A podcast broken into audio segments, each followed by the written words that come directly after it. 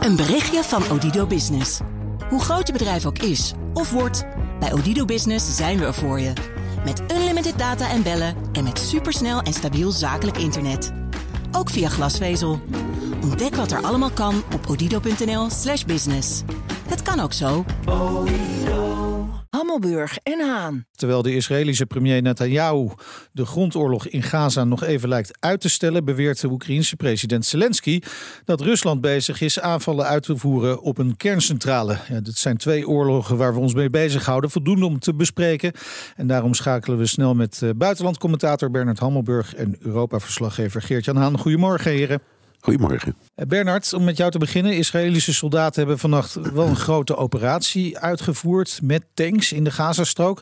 Grootste sinds het begin van de oorlog. Laten we even luisteren naar wat uh, er uh, op de media wordt vermeld daarover. We just got confirmation by the IDF spokesperson Unity in which they said that uh, a combined force of tanks and infantry Givati brigade made an incursion into uh, the, the, the, the, Gaza Strip in order to uh, prepare the battleground for a further in-depth incursion of the IDF inside the Gaza Strip. Ja, Bernard, voor de duidelijkheid, dit is Israëlische televisie uh, over dus die operatie van vannacht. Wat weten we erover? Wat we, nou, we weten heel weinig. We kunnen, zijn alleen maar vermoedens. Wat we zeker weten in elk geval is dat er een groep tanks, uh, bulldozers, uh, panzervoertuigen de grens over zijn getrokken. Um, en beperkte acties hebben uitgevoerd. Mijn indruk is dat ze vooral um, plekken hebben gezocht waar Hamas voorraden heeft of raketinstallaties. En dat volgt op, uh, denk ik, uh, onderzoek dat commando's en special forces al hebben gedaan. Dus die waren die grens al een paar keer over geweest, hebben onderzoek gedaan, hebben een paar dingen gevonden um, en hebben aanwijzingen gegeven aan de tankbrigade en de um, artillerie. Om te zeggen, die en die en die plekken moet je hebben. En daarna hebben ze zich weer teruggetrokken. Het was niet zo'n heel groot. Uh, uh, uh, actie, maar wel een voorbereiding op de grotere. Waarom gebeurt die nog niet? Ja. Om, om verschillende redenen. In de eerste plaats omdat uh, president Biden Netanyahu heeft gebeld uh, met een, op, vind, ik wel plausibel verhaal. Er zijn overal in die regio Amerikaanse troepen. Hè. Er is een grote basis in Qatar en Bahrein. Er zitten groepen soldaten in, in Syrië, in Irak, gaan we maar zo door. En Biden heeft tegen Netanyahu gezegd: Ik wil wat meer luchtverdediging uh, aanvoeren naar de plekken waar, waar Amerikaanse soldaten zitten. Zodat als het misgaat, in van mijn eigen mensen zijn beschermd. Nou, dat is een redelijk verzoek. Dus daarvan heeft Netanyahu gezegd, dat doen we. Uh, maar het, is, het valt ook in het kader van een bredere ik zal maar zeggen, actie tegen uh, Netanyahu's plannen. De Amerikanen zijn sowieso tegen een groot grondoffensief, omdat ze zeggen: je kunt dat niet doen zonder dat het een, een bloedbad wordt aan beide kanten. Uh, en en uh, ja, de Europese Unie vindt dat eigenlijk ook. Dus Netanyahu staat enorm onder druk.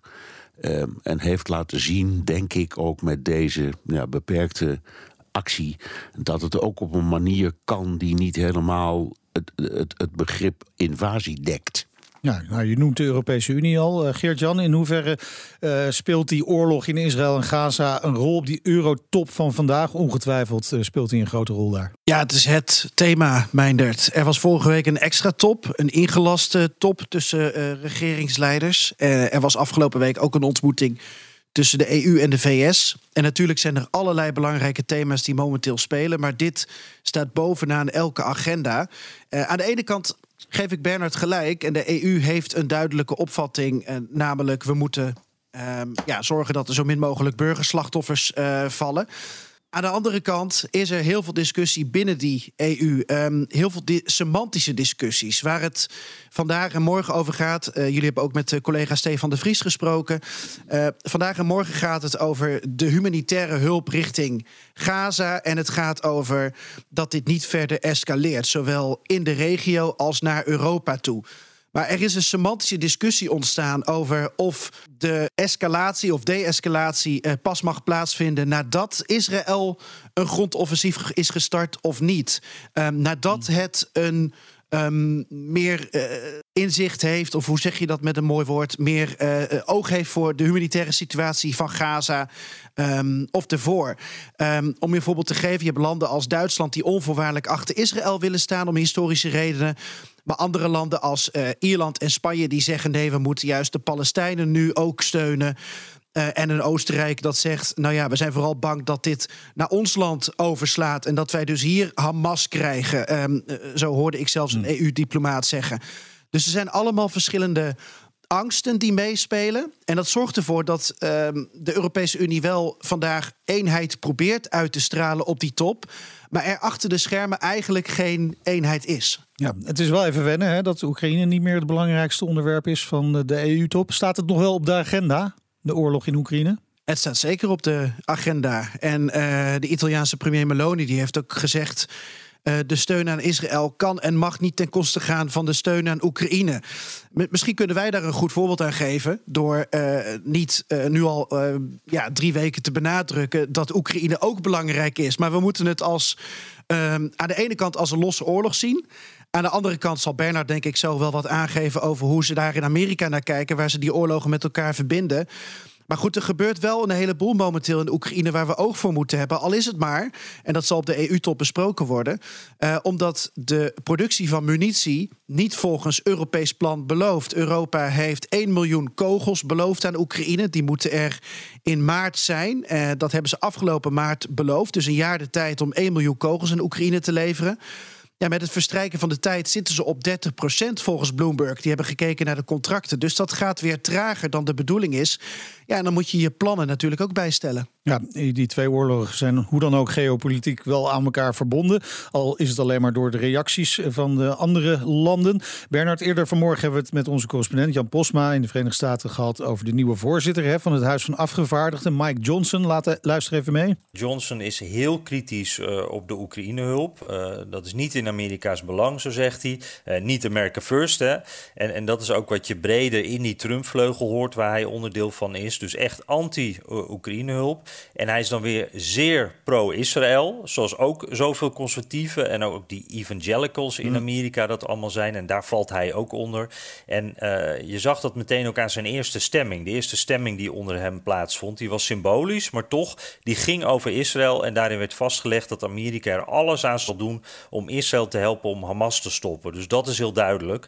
Maar uh, er zit nog wel een, een, een kink in de kabel voor de toekomst. Want als het gaat om dat hulpgeld voor Israël en, en Oekraïne, daarvan heeft president Biden gezegd: ik stop dat bij elkaar in een pakketje met ook nog geld voor Taiwan en de mm. Amerikaanse grens. 110 miljard dollar moet dat uh, dan worden. Het huis moet dat nog gaan goedkeuren.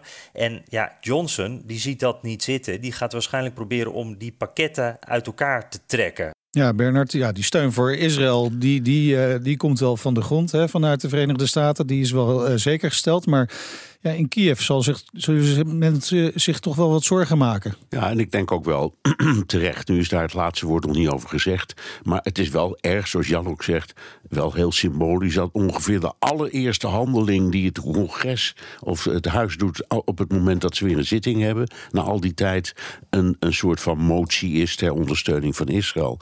Praktisch, denk ik, gaat het betekenen dat ze gaan onderhandelen over het opsplitsen van dat bedrag wat Jan noemde, van over de ja. uh, 10, 100 miljard dollar die gereserveerd zou worden in het plan van Biden. Um, en als je naar dat plan kijkt, dan, dan zie je dat, um, dat voor Oekraïne echt wel een probleem zou zijn. Want zeg maar grofweg 20 miljard daarvan zou voor Israël zijn. Dat is en, en iets van 80 miljard of zo voor Oekraïne. Dus de, in, in de begrotingsopbouw en de argumentatie van Biden kun je duidelijk zien dat de regering zich uh, grotere zorgen maakt om Oekraïne dan om Israël. Om verschillende redenen. Israël heeft al een hoop. Uh, is, er is bovendien een soort contract tussen Israël en uh, Amerika dat het altijd de Israëlische wapens zal aanvullen en dat soort dingen. Dat loopt, dat bestaat, dat blijft bestaan. Maar bij Oekraïne is, is dat veel minder vanzelfsprekend. Dus ja, ik zie hier ook wel echt een behoorlijke beer op de weg. Ja, tot slot Geert-Jan, nog even naar die oorlog in Oekraïne zelf. Hoe, hoe, is de stand van zaken? Ja, hoe moet je dat nou samenvatten, Meindert? um, weet je, uh, er zijn aan de ene kant geen grote ontwikkelingen aan het front. Uh, aan de andere kant wordt er wel ontzettend hard uh, gevochten. bijvoorbeeld bij Avdivka, bij Kupiansk, ik noem maar een paar dingen. Um, er zijn volgens Oekraïne inmiddels bijna 300.000 Russische doden. En daar zou je dan ook nog eens honderdduizenden gewonden bij kunnen optellen. Kunnen we niet verifiëren, maar zijn immense aantallen. En dan zien we verder berichten zoals dat Oekraïnse piloten inmiddels begonnen zijn aan hun F-16 vliegtraining in Amerika, in Arizona. Er is ook een opleidingscentrum in Roemenië, maar dat is nog niet helemaal van de grond uh, gekomen. Uh, maar in, in, in, Amerika vliegen ze al wel. Daar hebben ze dus ook Engelse taaltraining gehad in Texas. En nu beginnen ze aan die cursus in Arizona voor een periode van zes maanden. Ja, tegelijkertijd zegt Oekraïne: we hebben Bakhmut onder vuurcontrole, we hebben de Krim onder vuurcontrole. Dus Oekraïne lijkt het initiatief te hebben.